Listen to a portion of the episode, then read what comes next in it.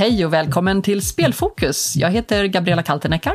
Och jag heter Björn Flintberg och vi jobbar på forskningsinstitutet RISE. Och idag, Björn, så kommer vi vara kvar från... Förra veckan var vi i Umeå och vi är fortfarande kvar i tanken i alla fall i Umeå, även om vi sitter geografiskt på andra platser och spelar in det här. Och idag ska vi snacka om Umeå som kultur och spelstad med Agneta Filén. Det ska bli väldigt spännande tycker jag. Umeå har ju för mig mentalt varit en kulturstad ganska länge. Jag har besökt Umeå, eh, det var många år sedan. Eh, det var det inte alls förresten, vi var ju på konferens där ganska nyligen. Eh, men jag var mycket i Umeå ska jag säga, eh, för ett antal år sedan. Eh, hade en, en relation där personligt. Och det slog mig hela tiden hur kulturnära stan var. Att det fanns redan då väldigt mycket, liksom, det var teatrar och det var mycket konstverk. och det var liksom, Känslan var verkligen att det var en eh, en stad med hög grad av kultur och att det också var en universitetsstad märktes väldigt tydligt. Så att, eh, jag hoppas att Agneta ska kunna ge oss lite insikter i hur man jobbar med just med det verktyget i verktygslådan när det gäller spel. Jag, även jag spenderade otroligt mycket tid i Umeå som eh, barn och ungdom. Eh, min äldsta barndomsvän flyttade katastrof, katastrof till Umeå. Eh, men vi behöll kontakten och vi, vi träffades ju nu när vi var uppe i Umeå här senast. Och vi träffades i sandlådan när vi var fem. Och efter det så, så levde vi livet i Umeå halva tiden av våra lov och andra halvan i Stockholm. Och, eh, eh man brukar säga det att Umeå är lite som ett mini-Stockholm. Eh, med, och med ett jättehögt fokus på kultur. Jag kommer ihåg det som, eh, vad gjorde man i Umeå? Det blåste hela tiden, det var mycket björkar så att på våren höll man ju på att dö. Och sen åt man parisare med ost. Härligt. Ja, ja det, det, var fint. Och sen senare när min vän började gå i skolan och man fick komma upp på lov och så fick man ju gå med henne i skolan då, om det inte var lov samtidigt, vilket det sällan var. Eh, och det var mycket estetik, det var mycket liksom att man skulle dansa eller sjunga, spela teater. Det var alltid kreativt, det var alltid roligt, det var alltid liksom spännande att vara i Umeå. Då får vi hoppas att Agneta kan bekräfta att det fortfarande är spännande i Umeå. Vi får bara... jag hör att du vill släppa in henne i studion. Ja men jag är jättenyfiken, jag har tusen frågor. Vi gör det. Vi välkomnar Agneta in i studion. Välkommen till studion Agneta Filén, näringslivsutvecklare på Umeå, i Umeå stad. På Umeå kommun, ja hej. Hjärtligt välkommen i alla fall, tack för att du är här. Tack. Termen näringslivsutvecklare kanske inte är uppenbar för alla som lyssnar på den här podden som förhoppningsvis finns inom spelvärlden. Vill du berätta lite grann om dig själv och vad du gör för någonting? Nej, men när, jag är ju då näringslivsutvecklare och det betyder ju då att man inte jobbar inåt Umeå kommun. Jo, man jobbar inåt därför att man tar med sig frågor från näringslivet. Vi är ju några stycken som eh, är mycket ute, träffar företag, dricker kaffe, lyssnar på branscher, försöker sammanfatta i huvudet och förstå vad, vad har man för möjligheter, utmaningar, eh, hur, hur kan platsen Umeå bli ännu mer bättre för eh, ett antal olika branscher och där jag har jobbat under, under några år med, med spelbranschen och liksom dels genomlyst men försökt eh, ja, men ta till mig på ett ödmjukt sätt. Vad är viktigt och hur kan den bli bättre? Och vad har ni kommit fram till? blir ju min nästa naturliga ja. fråga. Jag kanske också ska förklara att du och jag träffades ju i Umeå på en, eh, ett event, Female ja. Meetup, där vi hade just fokus på eh, kvinnors roll i spelbranschen och kvinnligt entreprenörskap.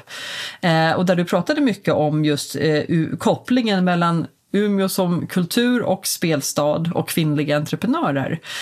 och vad är det som du hör när ni, när ni är ute och, och träffar näringslivet? Vad finns det för utmaningar och vad finns det för, för grejer som är bra med Umeå? Ja, men om vi, vi zoomar ut lite, lite mer, alltså Umeå som eh, Umeå, eh, många lyssnare kanske inte vet Umeå, men är som ett mini-Stockholm. Alltså vi har ett väldigt brett och diversifierat näringsliv. Det finns egentligen alla branscher, eh, inklusive industri, eh, och, ja, som man kan tänka sig. Och eh, Umeå har under ja, väldigt, väldigt lång tid, alltså 10-20 år eh, politiskt eh, trott på eh, kultur eh, för att bygga en attraktiv stad. Och det man kanske vet mest är ju liksom när Umeå var en så här otroligt progressiv stad och det var ja, så här, eh, veganer och man brände bilar men det var mycket kopplat till, till eh, en musikscen som var väldigt friskapande och, och, och eh, ja, bubblade så att säga. Och den, den delen har man egentligen fortsatt med, inte att vi ville att det skulle brännas bilar men, men att, att det fria skapandet och att man faktiskt ganska framåtlutat har tagit eh, investeringar i, om vi säger kulturell infrastruktur, eh, som inte är vägar och broar utan som är teater och som är olika scener och så vidare, eh, så, och, och vilket vi tror fortsatt på. Och sen då nu eh, just spelbranschen så är vi tillsammans med, med några städer i norra Sverige fyra städer, Umeå, Luleå, Skellefteå, Boden, eh, som eh, har tillsammans en, ett eh, nätverk som heter Arctic Game. Och det var ju liksom sättet att, att eh, ta kraft av varandra, att sätta också norra Sverige på spelkartan. Därför att det fanns eh, egentligen inte så många starka bolag men en vilja att, att, eh, eh, att man verkligen trodde på den här formen i några av städerna. Umeå kanske inte har varit jätteengagerade eh, långsiktigt eller långt tillbaka men, men har ett antal bolag och det bubblar. Så mm, det jag har gjort har ju varit att ja, men intervjua, prata med vd, chefer på bolag och intervjua personer och det ledde faktiskt fram till att bolagen själv sa nej men Agneta nu sätter vi oss, vi, vi vill göra en, en vision, strategiarbete. Och så gjorde de det, ett antal vd som de en kväll eftermiddag presenterade för mig. Och det har faktiskt varit mitt, min liksom, ja, som jag har knådat lite för att presentera internt för att få lite budget och som vi, jag ska inte säga att vi har hunnit jättelångt men om vi då kommer till, vad är det? Och då är det ju det första och som är otroligt viktigt det är ju talanger. Alltså att, att, ha, att ha de kompetenser som behövs i spelindustrin. Och gärna då yrkeshögskola för man gillar ju liksom när man får ha de här e-, eleverna på de här LIA-platserna sen sista, ja, sista halvåret är det väl. Alltså det är otroligt viktigt. Det är otroligt viktigt med, eh, förutom i Umeå, vi har ju precis som Stockholm svårt med boende, så att fortsatt fokus på boende. Men sen har vi pratat väldigt, väldigt mycket om själva communityt, hur man... Eh, jag tycker att det är så häftigt att spelbranschen är ju verkligen eh, till skillnad från att jobba med några andra som, som verkligen vill hålla saker hemligt. Men spelbranschen är ju verkligen ett community. Den exakta spelidén kan man ju liksom inte sno av varandra men allt annat är så otroligt eh, familjärt och man tar kraft av varann och liksom den kreativa tanken och att diskutera. Så att, att ha eh, träffas, ha mer eller mindre event för spelutvecklare eh, otroligt viktigt. Och Female Meetup är ju en sån del som eh, tror jag började i, eller man har haft det i Skellefteå, i Luleå och så nu hade vi Umeå och jag vet, du var ju med själv, vad tyckte du? Jag tycker ju den typen av event är fantastiskt värdefulla för man får chansen att nätverka med andra kvinnor inom näringslivet. Eh, och som hade jag varit entreprenör så hade det ju varit absolut tongivande att få chansen att prata med andra entreprenörer eller andra spelutvecklare, andra som befinner sig i samma situation som jag är. Speciellt också som kvinnor inte eh, fortfarande hör till minoritet i spelbranschen.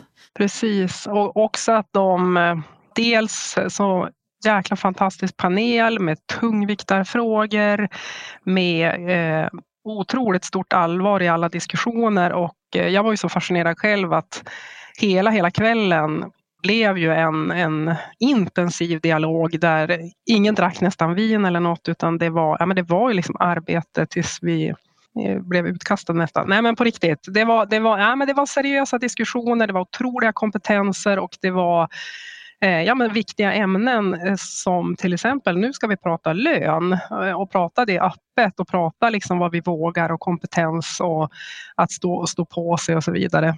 Det, det handlar ju mycket om att kvinnor också liksom lär sig och börja anpassa sig lite grann efter en bransch och arbetsmarknad som, som har varit väldigt lite kvinnor i. Eh, så vi tittar lite grann på hur gör killarna? Ja, men de, de vet vad varandra har i lön. Ja, då kanske vi också ska prata lön. Eh, och ta upp de här frågorna som traditionellt sett kanske har varit lite tabu för tjejer att snacka om, av någon orsak. Ja, men det var ju därför den första liksom, paneldiskussionen, Let's talk salary, var viktig. Det var en liten obekväm tystnad där i början, ja. men, men sen släppte det. ja men precis, Nej, men jätte, jättekul och, och det är liksom fler återkommande dels sådana. Det bubblade ju efteråt, flera dagar efteråt, där jag hörde att nu, nu tänker man själva då, för det inte, behöver inte gå genom att kommunen gör grejer, det är inte det jag menar, utan att man själva gör massor i, i olika sådana och eh, jag tror också att det behövs de här egna snacken. Eh, sen naturligtvis också upp, uppblandat.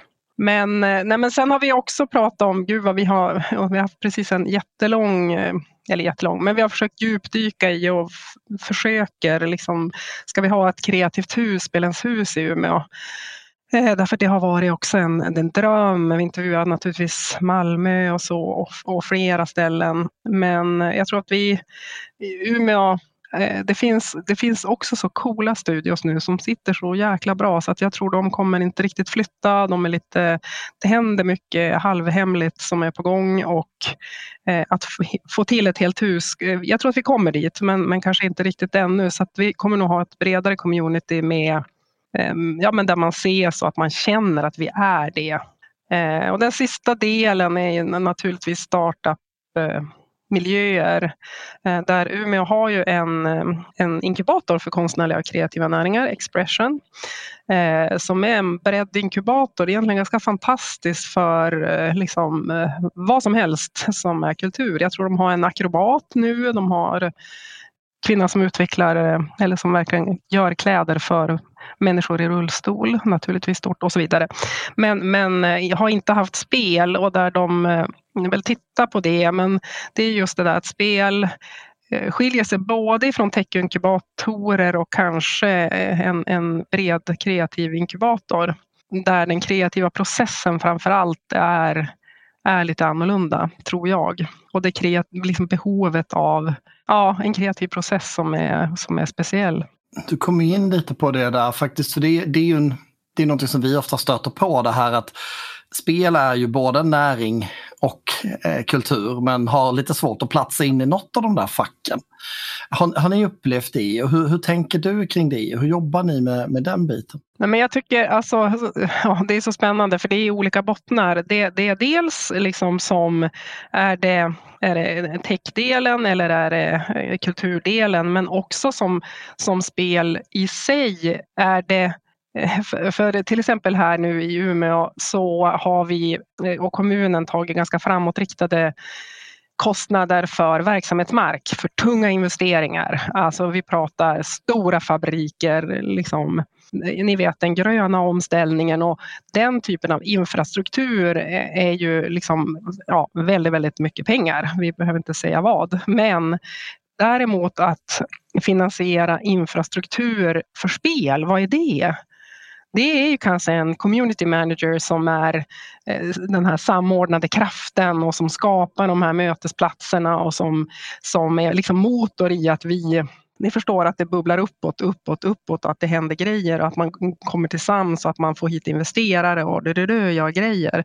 Ja, den förståelsen av spels infrastruktur, som jag tror vi borde säga ordet infrastruktur tillsammans mer och mer som ett stöd eller en finansiering. Att det inte, ja, därför att man har lättare att se ja men det här, en industri, en stor industri, det är en stor jävla hus man kan politiskt ta på, och peka på.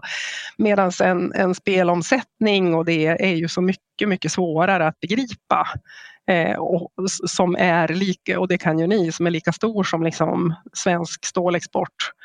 Eh, men så den ordet infrastruktur tycker jag, tror jag är viktigt att, vi, att man driver. Men också att och då gränslandet att det är just en basindustri med otroligt mycket kompetenser. Det behövs, för man gillar ju jag menar, att Umeå växer, att vi får mer ja, men inflyttning, medborgare, tillväxt. Eh, och det är ju verkligen en bransch eh, eh som till, till skillnad från ett datacenter kanske där det jobbar sju personer. Så i en stor spelutveckling så är det ju liksom många utvecklare och det är liksom och det är också, det viktiga tycker jag, det är också att det är en eh, högkvalitativa tjänster som vi, om vi kallar det här i norra delen av Sverige, verkligen behöver. För att jag just nu är otroligt eh, både rädd och emot delar av den gröna omställningen. Eh, och det är ju att vi ja, men vi har så mycket skog och vatten och det ska vara vindkraft och mineraler och så ska vi skeppa ner det till Stockholm. Och vi tror på tung, cool kompetens som både bor och lever här och som skapar succé i världen. Jag blir så glad när du pratar om spel som infrastruktur och hur viktigt det är. Det är Eh, och det förstår Gabriella varför det är så också. Jag har ju eh, numera halva min tid ägnar jag åt att vara industridoktorand på RISE. Eh, för att just inom ämnet entreprenörskap och innovation titta på infrastruktur och ekosystem för spelindustrin. Hur, hur bygger man upp det? Vad är det som gjort att man har lyckats i orter som Skövde och Malmö till exempel? Och, och, och vad finns det för parametrar som spelar roll där? Så därför är det jätteintressant att höra dig prata och resonera precis i linje med med de tankarna jag har där och också med det som vi egentligen skrev i rapporten förra året med kraftsamling dataspelsbranschen där vi pekade ut där att det saknas liksom en, en all, all, all sånt här arbete sker ju på lokal och regional nivå men det finns väldigt lite så säga, nationellt stöd i det här till skillnad från i många andra länder. Så det är jätteintressant och viktigt tror jag, precis som du säger, att benämna det som en infrastruktur. För att det är ju precis vad det är. Den kanske ser annorlunda ut än infrastrukturen för, ett, för en med, liksom, industriell tillverkningsindustri. Men det är fortfarande en infrastruktur. Den behöver ja, fortfarande det, det stödet. Precis. Vi har fått lite frågor ibland när vi använder begrepp som till exempel infrastruktur. Om vad, vad, vad betyder det i praktiken? Vad, ni pratar så många stora ord. Vad, vad, är det här egentligen? När, när man pratar om, eh, Agneta som du sa, med tunga industri, ja men då förstår man, ja men det är mark, det är hus, det kanske är vägar, det det, det är belysning, det är el. Men vad är det när det gäller dataspelsbranschen? Vad är infrastruktur där? Ja, men bara det här att man eh, får till ja, men ett team eller en person som... För jag, jag, ska säga, jag själv jobbar väldigt liten procent egentligen med spelindustrin. Så att eh, kanske ha en dedikerad person som eh, skapar det här communityt, ser till att det liksom leds, det drivs, det händer grejer. Alltså en, en motor i att ehm, eh, fan, nu ses vi och vi har en, eh, få hit talare, göra liksom eh, investerarmöten, få, få hit eh, event, jobba med eh, inkubatorn, eh, titta på Ja, en dedikerad person en dedikerad, helt enkelt. Dedikerade personer, det är också infrastruktur. Eh, varför inte ett sånt här kreativt hus eller en kreativ, om det är en fysisk miljö som behövs för, för det känner väl jag mer mer i spelindustrin än jag jobbar, jag jobbar till exempel med life science. Det, det är att eh, det här är som kreativa personer som, som den, den, kreativa processen är ju tillsammans. Eh, jag tror ju, eller jag tror till och med jag läst att det gick väl ner både utveckling och inkomster under pandemin. Och det är väl det värsta som kan hända för en spelutvecklare, att man ska sitta hemma i sina lägenheter och prata lite på Teams. För, därför att den, den kreativa processen är mer tillsammans. Och till exempel då inkubatorer eller de här småbolagen, eh, de har ju liksom för att det ska boostas och bli något och växa så, så är det kanske om man då kan putta på med infrastruktur som lokaler eller mötesplatser kanske man kan säga. Ja precis, det kan ju vara permanenta lokaler, rena hus, men det kan ju också vara som Female Meetup på andra liksom e-, event som möten som är, så att säga, blir tillfälliga eller återkommande. Varje månad har vi och så vidare. Det är ju också en slags mötesplats. Så att, eh, Nej, men för branschen är också jättetydlig och det är väl inte så konstigt att det, det är liksom event för spelutvecklare. Eh, så att det är inte liksom allmänna gamers som får komma in. Men det, ja, det jobbar jag inte med. Men, men eh, ungefär så. Men eh, om vi tittar på spel som kulturform då, och i begreppet liksom mot infrastruktur. Vad, vad är det för någonting i spel som gör att vi gärna förknippar det med kultur? Visst, en del är ju liksom programmering och när det ska ju ut, men, men alltså själva grund, grundidén i ett spel är ju ett berättande, en, ja, men en storytelling, en, en kreativ idé om en värld eller en, en upptäcktsresa eller liksom en, en sport eller vad som helst. Men det, det, är ju mycket kopplat till berättande och också konst. Det var så kul, jag fick en fråga från, vi har ju ja, men både arkitekthögskola, designhögskola och konsthögskola i Umeå som kanske man inte jobbar mycket med. Men då fick jag ett mejl från en, en kille som gick, hade gått ut konsthögskolan eh, och som ville komma i kontakt. Och det är ju så himla rätt att den liksom konstnärligt eh, visualisering eh, är ju en del av spel. Ja, visst. Det är, hela, hela, det är det jag tycker är så också roligt, att det är som hela bredden från en otroligt avancerad teknik eh, till berättande, visualiserande och eh, som, som hänger ihop. Ljud också, musik börjar ja, komma allt mer. Det, precis. Hela, vi, har, vi har fått frågor flera gånger från musiker som liksom vill komma in i branschen. Och och det är ju lite talande, alltså vi, vi, vi känner ju till alla filmer som finns så vet man men det här är de stora producenterna eller regissörerna eller kända skådisarna men du har ju inte samma koll i spelbranschen på de stora titlarna, vem som ligger bakom dem. Så det, det finns ju någonting där. Vi får väl fortsätta det arbetet. Med att... Ja, men jag hade ju en sån här dröm, eh, eller när vi började med liksom det här kreativa huset som vi valde, och inte Spelens hus utan kreativa. Det är ju, tänk om man kunde få både då musiker, artister, utvecklare utvecklare, spelbolag, alltså en lite mer gärna knasig blandning. Vad kan vi addera som skulle liksom möjliggöras? Och så tänkte vi på massa EU-pengar och projekt och det sitter ju folk här på kommunen som är duktiga på eh, tusen miljoner ansökningar. Så att vi har väl inte släppt det, men det vore ju jäkligt kul. Och så med en, en bottenvåning som är väldigt, väldigt tillåtande och eh, gärna i flödet av där, där vanliga människor går och, och så som vi tycker vore väldigt intressant för Umeå. Men vi får väl se. Det, man måste tänka liksom som en, en dröm och en idé. Men spelbolagen är absolut på. Eh, det, man vill gärna realisera det här men sen, ja, vi kanske inte är tillräckligt många och vi har några riktiga hemlisar som sitter på väldigt fina lokaler. Och, men jag hoppas, jag har sagt när ni, när ni boomar och ska ha mycket folk då, då ska vi fixa det. Mm. Ja, det, det låter roligt. jättespännande. Hörru, vi, ska, vi ska byta ämne lite här på podden. Vi ska prata lite, tänkte vi också specifikt på det vi var inne på innan, eh, apropå hur ni träffades, men just jämställdhetsaspekten och jämställdhet i branschen. När du är ute och, och träffar bolagen så där, generellt tror jag det är 22 procent i, i branschen i stort.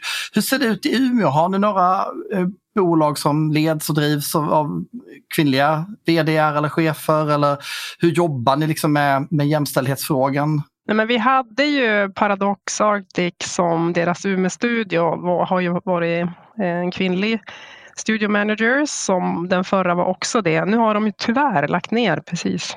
Det är ett otroligt tråkigt besked. Men Eh, sen tror jag inte att det är någon annan kvinnlig studio. Men däremot så är det ju, och jag blev ju väldigt ja, eller positivt förvånad. Jag ska inte säga att jag har träffat alla människor på alla studios. Så att under den här Female Meetup så blev jag också så otroligt glad att det faktiskt är ganska många kvinnor och på, på på, hos vissa bolag väldigt tunga positioner. Eh, så det är roligt. Men däremot nej, det är inget kul att det är eh, väldigt mansdominerat och också jag funderar lite på den här och det måste ju liksom de här eh, männen som är vd eller som driver sina bolag fundera på att det är, eh, jag upplever ändå att det fortfarande är en sån här eh, vi vill att man ska stanna kvar och gärna hänga på, på jobbet och dricka bärskänsla hos vissa. Och jag tror inte att det är Ja, det är kanske en, det är lite grabbigare men också en stund i livet. Sen men det är mer jag själv, alltså att man ska jobba, ha ett kreativt jobb och sen så har man ju kanske ganska snabbt får man ju barn och familj och liksom, eller om du tränar eller whatever. Eh, så det försöker väl jag tycka och tänka. Eh, men annars kan jag inte säga att jag själv har drivit sån hård impact i det eh, och då kallar vi det mångfald, det är ju också en, en bild. Det annars det jag, det jag gillar med spelbranschen när jag tänkte på ordet mångfald, det är ju att Eh, i Umeå så är ju det en av branscherna som verkligen rekryterar liksom worldwide och som har liksom från många olika länder och det är ju för att branschen är ju engelsktalande. Eh, alltså direkt och det tycker jag är otroligt positivt. Så det är väl den bransch i Umeå som jag tror har flest från andra länder, liksom så i en mix. Eh, Apropå det där med rekrytering, jag tänker på talangattraktion och nya bolag. Alltså du har ju dels hela startup-scenen och det man jobbar med i inkubatorer och på andra sätt för att stärka att det kommer till nya bolag. Men också talangattraktionen att, som handlar om allt från utbildningsorganisationer till att locka folk. Det pågår ju en stor strömning överlag med att få folk att flytta norrut eh, från andra ställen. För det kan ju bilda potentiellt sett nya bolag. Eh, intresset för spel är ju stort. Hur, hur, hur jobbar ni kring den frågan, liksom med att få fler till Umeå eller fler utbildade i Umeå? Ja, vi har faktiskt, eh, eh, Umeå kommun har ju, eller precis det här, ja, men som ni vet, det, ju, det, behövs ju enormt mycket folk och inte bara till de här tunga industrierna utan överlag. Och eh, det är ju också i, ja men där, det kan inte jag, men Umeå kommun själv med alla i äldreomsorg och eh, gud vet allt. Så att det är en stor fråga i, i, i bland alla våra kompiskommuner också. Eh, men där finns det väldigt många satsningar nu som är dels eh, en, en, bred satsning med flera städer i norra Sverige där man har gått, gått samman i något som heter MindDig som handlar om att attrahera till oavsett, alltså norra Sverige. Och den är lite tvådelad. Eh, folk från andra länder som eh, attraheras mycket av ja, men ni vet, natur och storhet och man kan bo, bo bredare än vad man gör kanske i Holland. Mycket holländare och tyskar som är intresserade. Men, men den andra delen är kanske till, till eh, stockholmare och söderut som, som ska förstå att vi har kaféer och pubbar och restauranger och ja, men att det är ett nice, nice ställe. Och sen så har vi en egen eller bredare nu, en, en, en gateway som är liksom one-stop shop för att komma till Umeå. Ja, ja, en digital mötesplats. Men sen är de väl ute på oherrans massa event och eh, försöker samverka med med bolag och industrier. Eh, med spelbranschen så är det ju framförallt nu att driva, eh, driva YH-spåret. Eh, att vi Umeå vill ju verkligen ha YH-utbildning. Vi blev nekade, vilket jag inte förstår eftersom om vi tar då avancerad programmering, det skriker man Umeå är en jättetung IT-stad också, så vi hade polat ihop med, med ett antal tungviktar IT-bolag som till exempel både ja, men Nasdaq som opererar världens börser här och Eh, Algorix Algoryx som eh, liksom simulerar robotsimuleringar med, som också är Unreal liksom i botten och så vidare, ett antal, men fick tyvärr ändå nej. Eh, men sen har vi ju, jobbar vi med universitetet som är tung inom datavetenskap, informatik och ja, också faktiskt lite gymnasiesamarbete. Har vi någon eh, specifik spelutbildning i Umeå i någon Nej, eller, nej, inte en specifik. Vi samarbetar och egentligen, jag ska väl säga att det, det, det, det gillar man ju också. Det är ju en ganska stora, eller flera utbildningsspår i Skellefteå med Future Games som också är i Boden. Eh, Umeå, eh, nu eh, eftersom bolagen i Umeå växer, är hyfsat stora och det är flera, det är ju drömscenariot att Umeå skulle ha Alltså att man vill ha YH-utbildning på platsen. För har du studenter så har du, eh, jag menar, lättare till liksom, ja, men volunteers eller samverkare under event, man kan göra roliga grejer, det är de som bildar startup. Eh, det är ju nästan så att man känner liksom, ja, men satsa inte på tungt på startupverksamhet innan vi när, när, inte ens vi själva kan rekrytera tillräckligt. Så det är som en balansgång. Eh, däremot så sker det mycket startup för att Umeå är en teknikstad och vi har gymnasieutbildningar som, eh, som går mot det hållet. Eh, gymnasiet är dock lite, lite för för blekt. Men... Jag tänkte på det, en annan, en annan sak som vi tittar mycket på på RISE eftersom vi försöker täcka hela forskningsbehovet liksom, i industrin spelindustrin är ju en teknologisk bransch, den är också en kreativ bransch. Ni har mycket IT-företag, teknikföretag. Har du sett någonting av det man brukar prata om, knowledge och technology transfer? Alltså att folk, att, att brand, andra teknikbolag drar nytta av det som händer i spelbranschen och vice versa eller att personal flyttar? Eller, har du sett några sådana tecken i Umeå? Nej men absolut och det är väl därför jag, som jag, eh, det här att spelbranschen är ju så himla cool för att den är så långt fram och med liksom den, en teknik som vi alla kommer att använda fast vi inte fattar det. Eh, alltså bredden av befolkning och det är ju precis det du pratar om. Och till exempel i Umeå för något år sedan så startade ju eh, Vector Traffic Academy. Och det, det tror jag är Sveriges första godkända körskola för B-körkort eh, på konsol. Så det är en det är bara stationer, jag tror de har åtta eller tio som är alltså breda treskärmar runt om med ratt och liksom, ja, du kör bil på konsol, eh, vilket är både hållbart och kanske lite roligt, men också framförallt eh, ja, innan man behöver ge sig ut i trafiken och ha bilar från början. Och det är en sån där, eh, och det är ju en spelkonsol, men där kan du också på ett helt annat sätt simulera att du faktiskt kör på ett barn. Hur kändes det? Eh, eller liksom så här, chock, chockövningar. ja, men de, de, och den är ju den är liksom godkänd för B-körkort. Fantastiskt.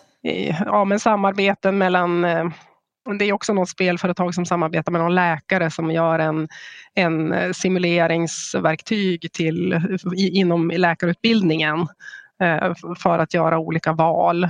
Och flera sådana där saker som Oryx, Algoryx. Algoryx är ju egentligen ett ännu mer avancerat än ett spelbolag men det är ju en spel eh, där man gör robotsimuleringar till tung industri och innan man liksom använder till exempel i en gruva så gör de ju och inte då bara ritar låtsasmaskiner utan de är ju i perfekt eh, storlek och så vidare.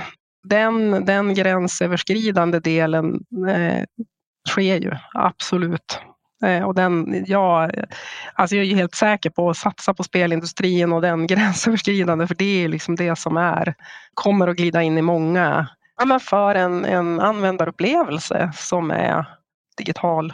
Ja, vi, vi, är ju liksom inne i, i, i terminologin, eh, liksom sniffa på life science och eh, där vet jag ju att ni, ni jobbar eh, specifikt. Har, har ni någon anknytning mellan just eh, era kontakter inom life science och dataspelsbranschen? Eller finns det tankar om att kanske sammanföra dessa två ändå ganska närliggande ur ett teknologiperspektiv? Mm, alltså inte, där måste jag erkänna, jag inte, har inte gjort det, men det är en bra teaser till mig att vara nyfiken på. Jag jobbar mycket med life science, men där jobbar vi med alltså, tunga etableringar och liksom arkitekturen i Umeå, att vi tror Ehm, vi, vi, vi, är också, vi har ett Nobelpris och vi har världsledande på men inte den kopplingen mellan, mellan spel och, och life science. Så, ja, spännande, men det pågår säkert saker. Det är en sån där sak som jag brinner för personligen lite extra mycket, där man ser många studier och eh, framgångar som görs i, i, USA, Boston University,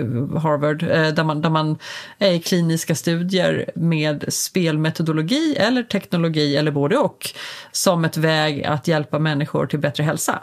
Och där tror jag vi har ganska bra förutsättningar någonstans, inbillar jag mig, eh, i, i, i, Sverige generellt, men också kanske just i, i städer och eh, i, i, kluster och platser där det finns en stark kulturanknytning. Som ju är för mig en, liksom, en mänsklig kontakt, en, en, någonting som gör att man förstår sammanhang och, och liksom, eh, ja, mänskligheten bättre. Det lät ju lite, lite, lite väl flummigt kanske, men, men ni förstår vad jag är ute efter. Nej, men jag kan tänka, ja det är otroligt spännande. Jag ska fortsätta nysta i det, för det, det låter ju Ja, det, det, låter ju, det är ju helt rätt, för det är ju den gränslandet i en där, där den som behöver nyttja verktyget eller det, det som hjälper den förstår ju inte att det kommer ur en spe, det vi kallar spel. Ja, men då, food for thoughts, ja. lite grann. Ja. ja, men jätteintressant. Eh, vi, vi kommer naturligtvis att, att haka på och prata mer med eh, er i Umeå, hoppas vi, framåt och lyssna in vad ni har i görningen. Eh, har du några tankar liksom, i övrigt om, om spel? Spelar du själv? Nej, alltså jag tänkte på det eh, inför den här podden och så bara nej men gud, jag är ingen, men nej jag är, jag är ingen gamer så, jag är otroligt nyfiken person. Däremot så eh, är jag ju, kom jag ju i kontakt och liksom spelade som en spelande mamma Playstation 2 och 3 det har jag ju kört igenom. Men sen när det blev värre saker, eh, så det var Tomb Raider som var det sista. Sen när de över konsol då, när de drog iväg så hakade jag väl inte på. Det är ändå men, respekt. Nej, men för mig, alltså Tomb Raider. För mig, nej, men för mig är det väl mer eh, Alltså jag tycker ju att det här, alltså jag gillar ju att dyka in i nya saker, den här branschen, de stora penseldragen, vad är viktigt att den kreativa processen, att de här, eh, jag tycker det är så fantastiskt att de här personerna dela med sig den eh, tillåtenheten till sina kollegor i andra, eh, i andra bolag och att man verkligen samverkar. Och sen också den här otroliga kundkontakten nästan från dag ett.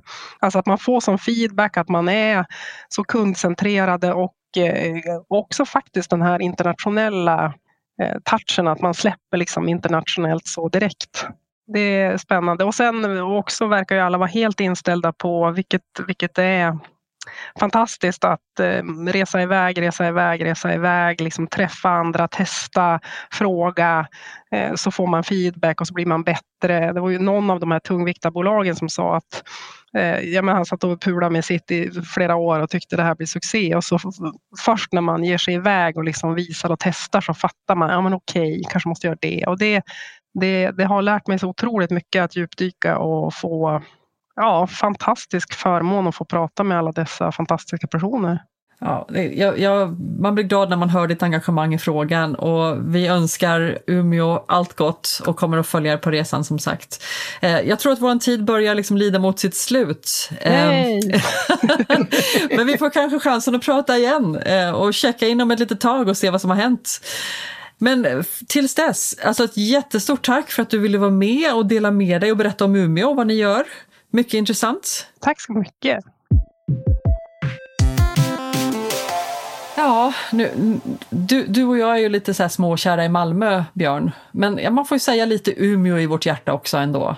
Ja, alltså varje gång vi, vi träffar på de här orterna som har ett sånt där, som, som Agneta berättade om, så, som medvetet fokus på att bygga någonting. Jag tror att det är en otroligt viktig faktor när man ska bygga upp ett en levande nätverk och ett levande ekosystem kring spelindustrin på en ort att man har med sig kommunen och att kommunen är en viktig part i det arbetet. För att det ska kunna växa fram och framförallt för att det ska kunna bli långsiktigt och hållbart. Och eldsjälar som Magneta är ju, är ju guld värda. Ja men verkligen, jag tycker verkligen man kan, man kan eh, man lyssnar på det hon säger och även läser lite mellan raderna så kan man ju se att det finns ett genuint engagemang här. Det finns en, en långsiktig plan men också en medvetenhet om att kommunala beslut tar tid. Eh, saker och ting kan, kan inte komma på en gång utan det måste ske organiskt ibland över tid. Man har satsat mycket på infrastrukturen jag kan inte nog understryka hur viktigt jag tror att det är för att bygga upp någonting. Och det vet vi från, från arbetet förra året med kraftsamling dataspelsbranschen att man till exempel efterlyste i hög grad i Stockholm där man då kanske inte riktigt på samma sätt har har det här nätverksbyggandet utan det, det är, eh, sker mer spontant när bolagen själva organiserar någonting eller så. Och man kan se vilken stor skillnad det gör på orter som Umeå, Malmö, Skövde och så vidare. När det finns ett engagemang från kommunen där man är mest verksam. Så att jag tycker att, att eh, Agneta är inne på någonting otroligt viktigt här. Jag hoppas att hon får fortsatt gehör hos sina kollegor i, i, eh, i kommunen. Vi får säkert, eh, nu har jag använt det här uttrycket för många gånger känner jag, orsak att återvända till Umeå. Både i, på plats och även i podden hoppas vi. Mm, det är ett gott betyg till våra gäster att det är ganska många avsnitt vi säger, men det får vi prata mer om nästa gång. jag, tycker att det, jag tycker att det är bra. Det här är diskussioner som inte går att riva av på 20-30 minuter in i ett samtal utan som, som är löpande över tid. Men förhoppningsvis så kan vi genom den här podden eh, ge våra kära lyssnare en liten stickprov på olika saker som händer och på lite viktiga ämnen som, som är intressanta för spelindustrins utveckling. Vi kommer fortsätta den här säsongen med att fokusera på lite temaområden. Vi ska återvända till frågan om ledarskap eh, och också vad kommuner och regioner engagemang, eh, men också eh, frågan om utbildning och spel i förhållande till lärande.